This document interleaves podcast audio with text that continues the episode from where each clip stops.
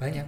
Banyak dan aku sering ngebayangin sering eh, ya sorry Mikir ya aku ya. sering mikir berandai-andai seandainya nih orang nih dijab- dicabut kekayaannya sama Allah Hmm. masih di punya banyak temen gak sih? Nah, masih, masih orang-orang pada nem nah gitu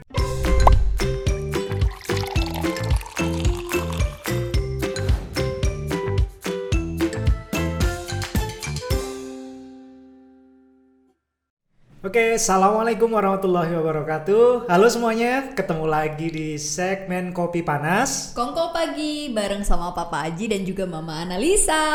Ini episode yang ke-16 ya. Nggak kerasa ya, ternyata udah 16 episode kita eh, ngekonten kopi panas yang awalnya sebenarnya iseng. Yes. Karena kita kayak ngerasa obrolan di pagi hari antara bapak ibu yang punya anak kecil kayaknya berfaedah kita tuh cuma di pagi itu ya. Iya. yang lainnya nggak berfaedah.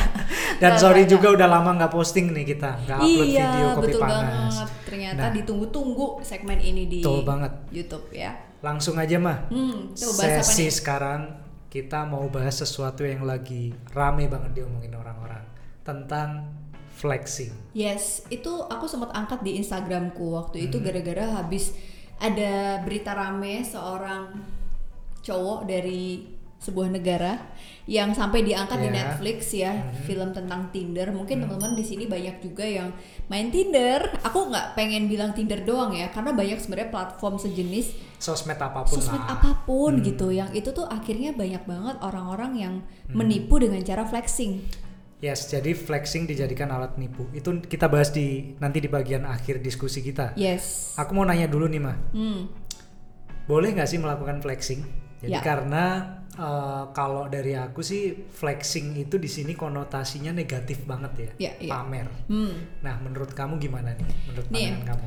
Aku tuh sebenarnya kayak agak eh, sensitif ya, karena gini nih, naluri manusia itu sebenarnya kita itu punya dorongan untuk pamer. Hmm. Hal apa pun nggak cuma kekayaan. Kenapa? Karena kebutuhan dasar kita, kalau menurut Maslow itu tuh adalah ketika kita diakui, diterima, gitu. Ya. Flexing atau pamer menjadi konotasi yang negatif pada saat eh, itu tuh menjadi berlebih dan digunakan dengan cara yang tidak tepat, gitu. Berarti kadarnya nggak pas, Yes. caranya juga nggak tepat. Iya bener banget karena gini nih mas Hmm. kalau kita lihat sendiri tuh sebenarnya eh, ada sebuah penelitian yang aku barusan baca juga di New York Mhm. eh, University gitu ya di- dan Princeton University di tahun 2019 oleh Oh Mhm. dan kawan-kawan nama penelitian namanya Oh si Pak Oh ini Ini ilmiah ya berarti ya? ilmiah, Ada ilmiah, penelitiannya, ada, jurnalnya ya? dicari di jurnalnya Tuh, ilmiah nih.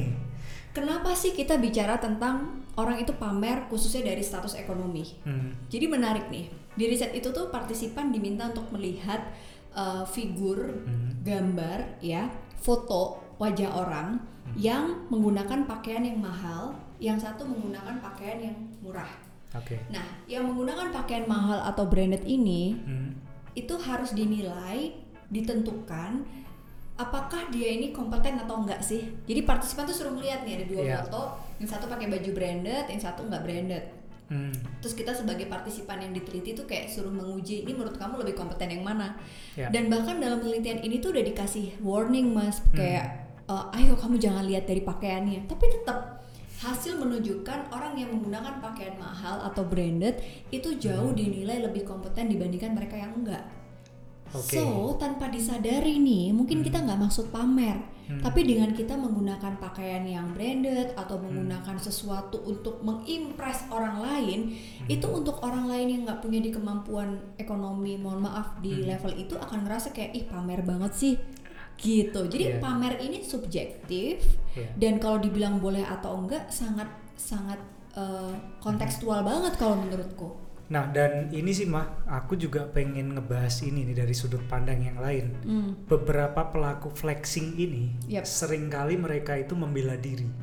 Aku tuh kayak gini tuh buat memotivasi orang lain. Hmm. Yes. Kalian tuh juga bisa loh kayak aku. Nah, ini pendapatmu gimana, mah? Nah, ini kalau aku dari konteks Hmm. teori ya mas, aku juga menarik waktu bahas flexing ini. Akhirnya aku riset-riset. Hmm. Ada sebuah teori juga ya, yang di situ dikatakan bahwa kalau em, seseorang itu apa tadi menggunakan Argumen. argumen Bahwa- untuk mempersuasi orang Yes. lain. Nah ini ini supaya lebih wah Mbak Ana tuh ngomongnya tuh berdasarkan apa nih? Karena agak Ah. sensitif gitu kan, jangan sampai subjektifku doang gitu. Jadi ini dikatakan doang kali yang pada bilang gitu kan gitu. Kadang malah digituin mah. Iya iya iya. Jadi Hmm. ini nih, ada yang yang dikatakan nih ya bahwa ada yang namanya belief seseorang itu yang dibentuk dari beberapa aspek. Aspek Hmm. pertama adalah testimoni. Hmm. Jadi memang sengaja orang itu eh, diminta untuk melakukan testimoni untuk membuat orang lain percaya. Ini memang Oke. tekniknya gitu. Hmm.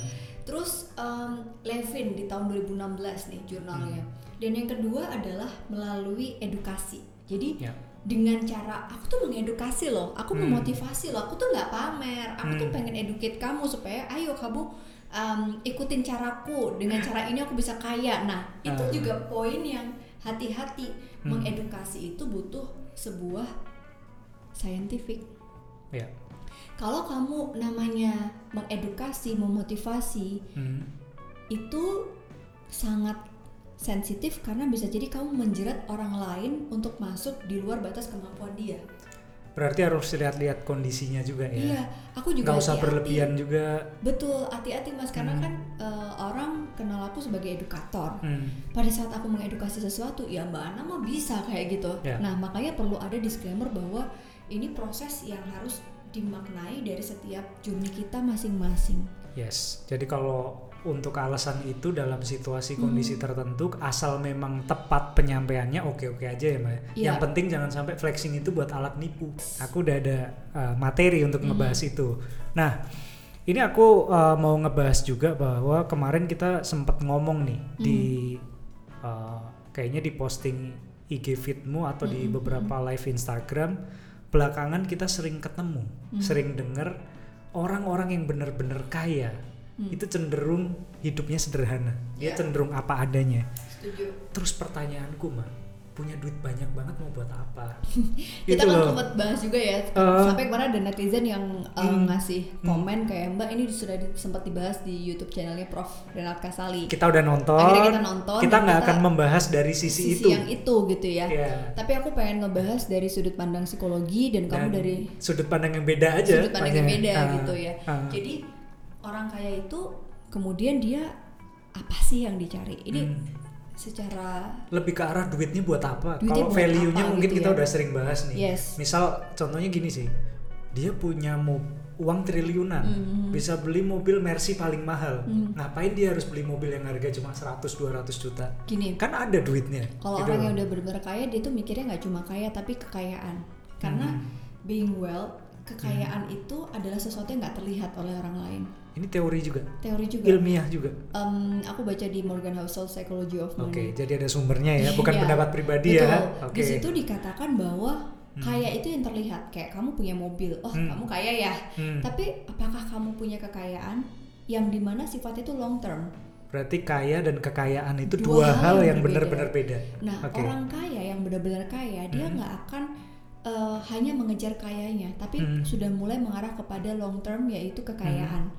Di mana dia akan mulai berpikir tentang investasi, dia akan berpikir tentang kalau nanti aku mati meninggal, aku bisa mempertanggungjawabkan kekayaanku nggak sih? Hmm, Aku Terus- pernah dengar juga tuh masalah itu tuh. Iya, jadi kayak Ah. legacy yang mau dia tinggalkan untuk eh, Oke. dia dan juga keluarga besarnya. Itu Berarti kayaknya kebanyakan orang kaya Mhm. itu udah punya mindset yang beda. Iya. Kita bisa berpikir kayak gitu karena kita belum di level itu kali ya, Mak. Bener nggak? benar benar tapi gini nih gampangnya gini ya mas karena Ah. setiap orang tuh jurinya beda-beda Hmm. simple aja aku melihat juga eh, orang yang benar-benar kaya itu juga dia mencari kenyamanan untuk diri dia Oke. jadi gini nih contoh nih Mhm. dulu Mhm. pada saat di titik kayak aku kan emang dari dulu tuh suka banget Hmm. sama tas ya mas Ya. makanya waktu kuliah aku sempat jualan tas Hmm. produksi sendiri gitu kan karena aku suka banget sama tas tas itu adalah happiness aku gitu dari Hmm. dulu mau yang branded maupun yang nggak branded zaman itu mana mampu beli yang branded jadi Hmm. ya pokoknya aku tuh suka banget gonta-ganti tas Hmm. itu kayak em, kebahagiaanku Ya memang seneng kan? emang seneng Hmm. nah ada satu titik Mhm. aku masuk di dalam circle eh, lingkungan yang oh ternyata tas itu ada harga yang segini toh aku sempet kayak kaget gitu Nggak Hah? kepikiran bisa beli ya? Nggak, Belum. bukan nggak kepikiran kayak ada orang yang mau mengeluarkan uang untuk beli harga segitu. Ya. Karena pada Di saat waktu itu. di waktu itu kayak ini nggak logis banget nih aku mending beli motor aku mending beli ini gitu Ya, itu ya. ada di dalam mindsetku pada saat Hmm, itu hmm, karena pada saat itu ya memang aku belum mampu hmm. gitu nggak mampu buat beli itu nah sampai akhirnya ya pada suatu titik konyol ya namanya juga manusia berkembang dan berproses akhirnya bekerja keras sampai di titik yang aku masih suka tas aku beli nih kayak apa sih rasanya, Rasanya. untuk punya tas yang dimiliki sama orang-orang di circle itu Ya. jujur Hmm. kayak teorinya si Oh tadi Hmm. aku pengen dilihat Hmm. itu manusiawi Ya. aku nggak usah munafik deh Dan gitu. waktu beli itu memang kemampuannya sebenarnya belum ini banget. belum ya. ini banget tapi bukan utang ya aku Ya. beli itu dengan uangku kerja kerasku tapi aku nggak kalau Hmm. aku lihat tuh kayaknya harusnya aku nggak nggak belum mampu nih Ya, kalau dilihat sekarang. sekarang gitu kayak harusnya tuh uang itu buat hal yang lain karena Ya. kekayaanku belum pas untuk beli harga segitu tapi aku pengen gitu Ya. pada saat itu ternyata aku terjebak pada perasaan yang tidak bahagia Hmm. Yang aku pikir aku bisa bahagia mas Ternyata malah mikir. ya? Ternyata malah habis, mikir. Habis beli malah mikir. lebih ke gini lebih ke gini oh gini doang ya Gini rasanya doang, gitu ya. nah sampai Nggak akhirnya seindah yang dilihat dulu berarti. tidak Mbak. seindah yang di yang Ekspektasinya waktu setelah beli itu kayaknya wah seneng banget Iya, dan lain-lain. terus akhirnya aku fokus lah sama kebahagiaan yang lain yaitu Nah. bekerja belajar Sorry, aku berkarya potong. gitu Tadi kan ngerasa kayak oh gini doang. Mm. Itu bisa jadi salah satu parameter nggak mah bahwa kamu tuh membeli sesuatu melebihi batas kemampuan. satu itu yang kedua aku tidak untuk menyenangkan diriku tapi menyenangkan Oh, orang lain Itu bagus tuh. Aku mau bahas itu juga. Iya. Nanti kita perdalam lagi. karena kayak tadi yang aku bilang ke kamu kok Ah. ada sekumpulan orang yang membeli tas dengan harga segitu dan aku pengen Ya, terus ternyata pada saat aku di titik itu Hmm. nggak ada yang beda tuh sama aja. ya. sama aja orang menilai aku terus apa gunanya aku beli tas mahal-mahal nah at that point gitu Mhm. kan poinnya apa sih akhirnya aku memfokuskan diriku untuk mengejar kebahagiaan yang lebih real Hmm. ternyata happinessku itu adalah ketika aku bisa melakukan ini itu ini itu yang sifatnya lebih long term Ya, contohnya misalnya dengan kerja kerja memper bikin APDC. yes memperkaya diri dengan Aku tahu banget belajar kan. Belajar belajar hal baru terus bikin konten berkarya. Oh, enggak, enggak. sih nah jadi di situlah sampai akhirnya ternyata kita itu nggak perlu mengimpress orang lain untuk menunjukkan kita punya Iya, value Oke, ini pertanyaanku se- Mhm. selanjutnya sebenarnya apa yang Mhm. mau dibahas. Aku jadi jadi kayak interviewer nih di sini nih. ya kan ceritanya dari sudut pandang psikologi kalau di channel Oke lain dari sudut pandang jadi lain. misal nih mak, kita tuh udah mencapai level tertentu, kita udah kaya nih. Boleh nggak sih kita tuh beli atau konsumtif? Jadi beli barang-barang konsumtif. Misalnya, aku pernah denger kan, kalau dari aku nih, dari aku langsung aku jawab ya. Eh, dari apa yang pernah diajarin Mbak Prita misalnya ya silahkan ada dana bersenang-senang sesuai alokasinya itu boleh-boleh aja Yap. kita cari duit juga buat senang-senang juga dong nah di sisi lain selain kita punya anggaran aku setuju sama kamu bahwa kita harus beli barang itu yang kita suka bukan bukan yang orang lain suka Hmm. gitu loh. Aku pernah loh melihat orang itu yang uh, membeli barang itu supaya ini barang ini dipengenin orang banyak nih. ya ya ya Aku punya ini tuh jadi wah jadi orang-orang ngel- ngelihat bahwa ngerti Iya, nggak iya, paham, feelnya?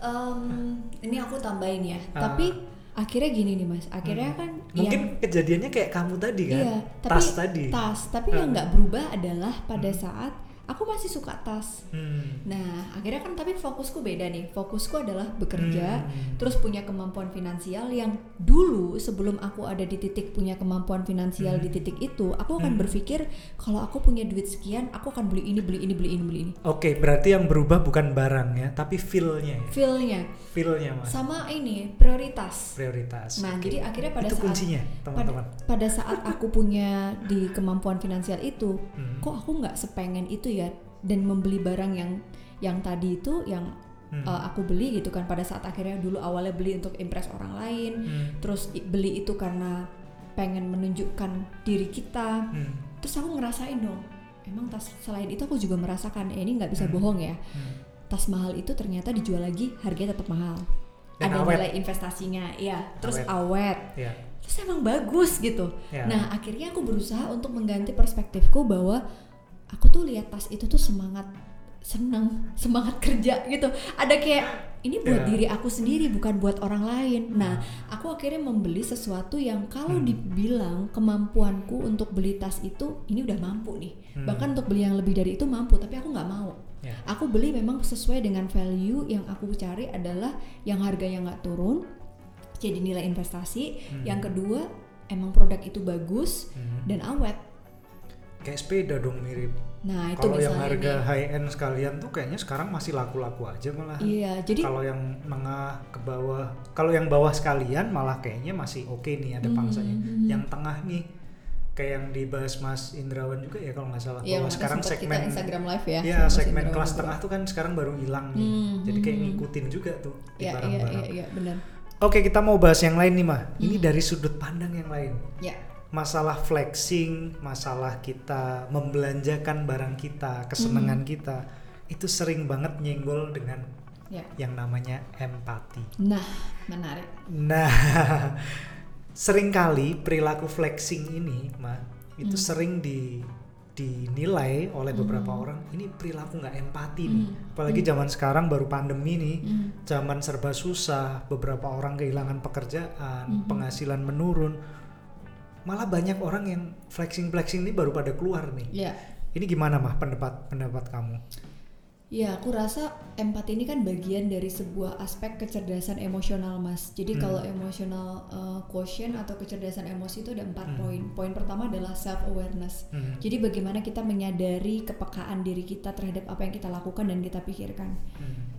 jadi akhirnya semakin ke sini bertumbuh aku kayak makin mikir malu gitu misalnya Hmm. nih di endorse sama sebuah uh, produk gitu ya Hmm. terus aku disuruh up Hmm. aku berusaha untuk memilih kata-kata yang benar-benar tidak menyinggung kondisi Hati-hati banget ya. ekonomi orang lain karena bisa jadi di sekitar kita itu apalagi pandemi ini itu Hmm. banyak banget yang lagi susah Padahal itu kita ngelakuin itu kerjaan Kerja, yang gitu harus kan. kita lakuin Nah, gitu nah loh. benar. Jadi akhirnya semakin ke sini tuh aku makin ngerasa benar banget sama penelitian dilakukan Hmm. uh, ada eksperimen dilakukan di Yale University Hmm. bahwa memamerkan kekayaan itu adalah kekuatan yang sangat korosif. Artinya apa sih? Jadi Hmm. ketika seseorang itu semakin pamer, dia Hmm. tuh semakin mengeksploitasi orang-orang miskin. Wow.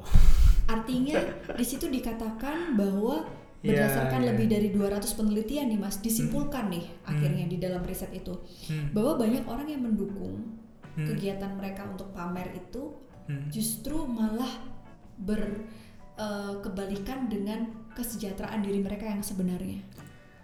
Wow.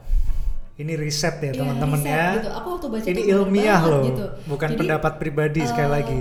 Mereka itu cenderung kurang empati, kurang prososial, nggak pernah ngebantu orang gitu ya. Hmm. Kalaupun ngebantu tuh demi konten gitu ya. Wah, Dan parah tuh. mereka lebih kompetitif gitu. Jadi tidak Hmm. mendukung eh, apa ya, mendukung orang-orang yang memang butuh eh, support dari mereka yang kaya. Kan harusnya yang Ya. kaya membantu yang miskin gitu ya. Ya. Dengan membuka lapangan pekerjaan, dengan membantu Hmm. sedekah zakat dan lain sebagainya, bukan dengan mengeksploitasi orang miskin dengan cara pamer itu tadi gitu. Ya. Jadi dari riset ini aku percaya bahwa kecerdasan emosional orang-orang yang apa tuh Hmm. mas pamer ini tadi pasti sangat rendah. Kayaknya gitu deh. Mereka mereka Aku jadi aware. judging nih. Iya gak sih? Mereka nggak aware dengan apa yang mereka lakukan karena mereka hanya fokus dengan kompetitif diri mereka. Ah, Yang kedua di social uh, emotional quotient itu ada yang namanya self regulation. hmm. Ternyata pamer itu ya menurut Hmm. uh, seorang ahli psikologi yang bilang Hmm. tentang impulsif. Hmm. Jadi pamer itu kayak impuls, kayak kita gatel terus garuk. Ah, Jadi kalau kamu udah punya naluri kebiasaan- alami dong berarti. Nah, kalau kamu udah punya kebiasaan pamer, Ah, itu terkait sama yang namanya self control tadi. tapi kadang gini mah, Heeh. aku nambahin dikit ya di zaman susah sekarang ini. Kadang tuh ada orang posting sebenarnya nggak ada Biasa niat aja, pamer, iya. biasa aja. Hmm. Apalagi misal contohnya kayak kamu ngepost barang endorse apa, Mm, mm, mm. bisa loh sesuatu yang biasa itu Banget. dinilai itu flexing. Aku pernah ada pamer. yang DM, Mbak, Nah. kok lagi susah makan, Mbak posting makanan. Ya elah Mas, ini saya bantu bisnis teman saya. Tapi Nah. itu stimulus yang netral gitu loh. Oke mah, jadi Oh. ini ada aku ngelihatnya dari sisi yang lain nih, nemu lagi mah. Yes.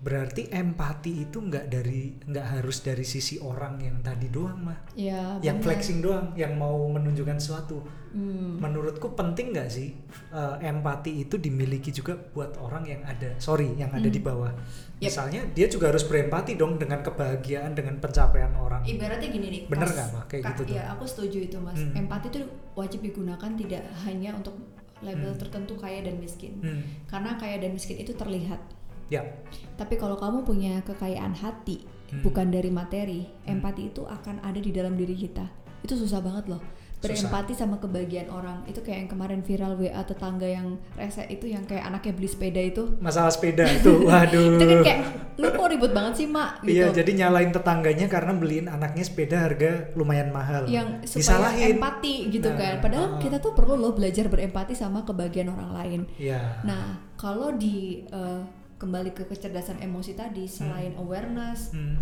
um, empati, self regulation, ada satu yang namanya social skill. Hmm. Jadi orang yang punya kecerdasan emosional yang tinggi, dia tuh kecenderungannya dia bisa diterima di lingkungan sosial apa pun. Artinya Oke. orang yang tidak Hmm. maaf punya level kekayaan secara materi nggak sama, kalau dia punya kecerdasan emosi yang baik, Hmm, hmm. dia punya kepercayaan atau Hmm. efikasi yang tinggi, Hmm. dia akan mampu masuk di level mana pun. Nah, sekarang ini aku di Hmm. tahap punya pemikiran semakin aku ketemu banyak orang kaya beneran, orang Ya. hebat beneran, aku justru jadi kayak look up tuh ke mereka. Hmm. Investingnya tuh apa sih? To yourself. Hmm. Kamu tuh nggak perlu menunjukkan siapa kamu. Oke. Tapi kalau kamu punya ilmu, kamu punya networking Hmm. yang tidak dilihat dari apa yang kamu punya, kamu Hmm. punya dampak, punya manfaat, bisa ngebantu orang, itu kamu akan percaya sama diri kamu sendiri tanpa harus menipu, apalagi pamer untuk memanipulasi, capek, Wah. gitu, ya kan? Ya, ya, ya, ya, ya. Coba nih mas, misalnya kamu nih, aku pengen nanya ke gantian, Hmm. kamu sering nggak ngeliat orang yang kayak pengen nunjukin siapa dirinya, Hmm. Terus orang itu diterima karena dia punya sesuatu, bayangin loh dia nggak kaya, Banyak, banyak dan aku sering ngebayangin, sering, eh, ya sorry Mikir ya, aku ya. sering mikir berandai-andai seandainya nih orang nih dijab- dicabut kekayaannya sama Allah, Hmm. masih di punya banyak temen gak sih?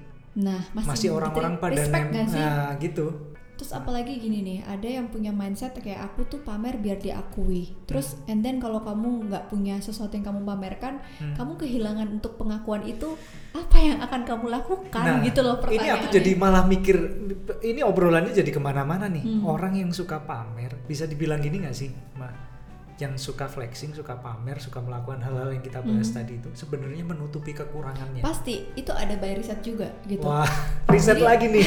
aku tuh kayak abis eh, ini kan akhirnya kita gara-gara mau bahas Eh, ini ya kita harus Singkat aja, Ma. Ya singkat aja ya intinya Hmm. sebenarnya orang yang uh, pamer tadi gitu ya Hmm. dia itu sebenarnya punya punya sebuah keyakinan moral inti apa ya core moral belief yang salah gitu Hmm. di mana dalam hidup mereka mereka itu pengen memanifestasi kekuasaan Mhm. ketidaksetaraan sosial dan Hmm. pemborosan bahasa gampangnya gini nih Hmm. mereka itu sebenarnya tahu itu tuh dilarang Hmm. tapi mereka pengen menutupi sesuatu yaitu insecurity mereka gitu Ya. ini dilakukan oleh Gunka dan Thomas di risetnya di tahun 2020 dia menemukan pendapat tentang seperti core moral belief Hmm. jadi kalau sekarang kita tuh merasa eh, keyakinan kita Hmm.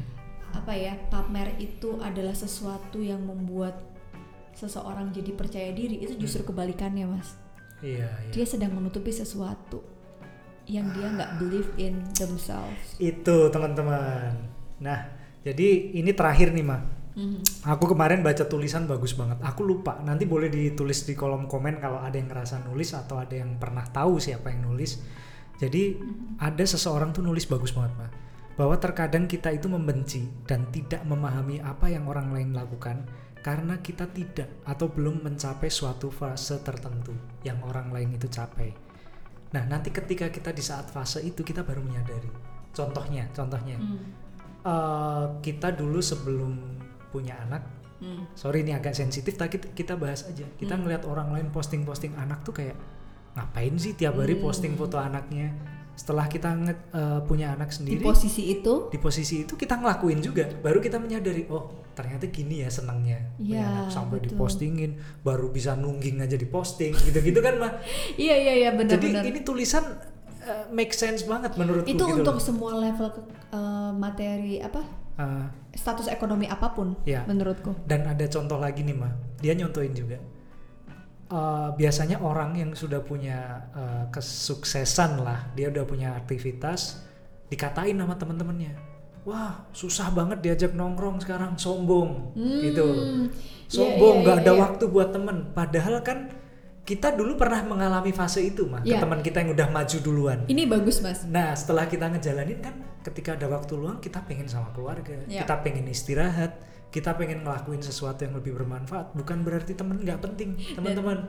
Ya, Iya kan, Mah? Bener Dan kan? tahu nggak sih, ada sebuah studi yang diterbitkan dalam jurnal Social Psychological and Personality Science. Jurnal lagi. Ditemukan bahwa 66% orang yang cenderung memilih mobil mewah daripada mobil biasa. Hmm. Tapi jika mereka diminta untuk memilih individu yang pengen mereka jadiin sebagai teman, kebanyakan mereka memilih teman yang biasa dibandingkan dengan teman dengan kendaraan mewahnya. Wow, aku sering ceritakan sama kamu.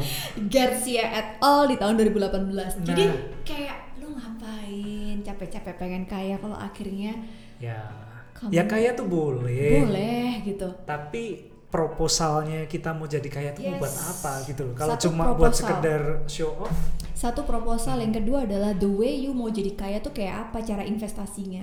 Wah. Kalau semuanya tuh pengen instan dengan cara tipu-tipu, flexing gampang gitu. Tapi pada Ah. saat aku tuh mikir kadang-kadang ini gila ya masih muda dong ini antara satu dia memang uh, Ah. billionaire son gitu ya, atau dia kalau kata di vlognya Om Hmm. Deddy, eh, bukan vlog sorry, podcastnya Om Deddy, ya dia anaknya orang kaya pasti. Ya, ya. Kalau nggak karena itu kan kayak kayak di film Tinder itu kan dia Ya, eh, nipu Simon intinya. Itu dia ngakunya anak si orang kaya gitu Hmm. kan antara itu atau ya memang dia bisnisnya perlu dipertanyakan. Jadi buat para perempuan yang Yes. misalnya di umur 20 something, 30 something, cowok kamu udah beliin kamu tas merek H atau kamu dibeliin mobil mewah, kamu pertanyain dong cara-caranya gimana. Ini aku nikahin suami yang udah hampir 30 tahun gitu ya.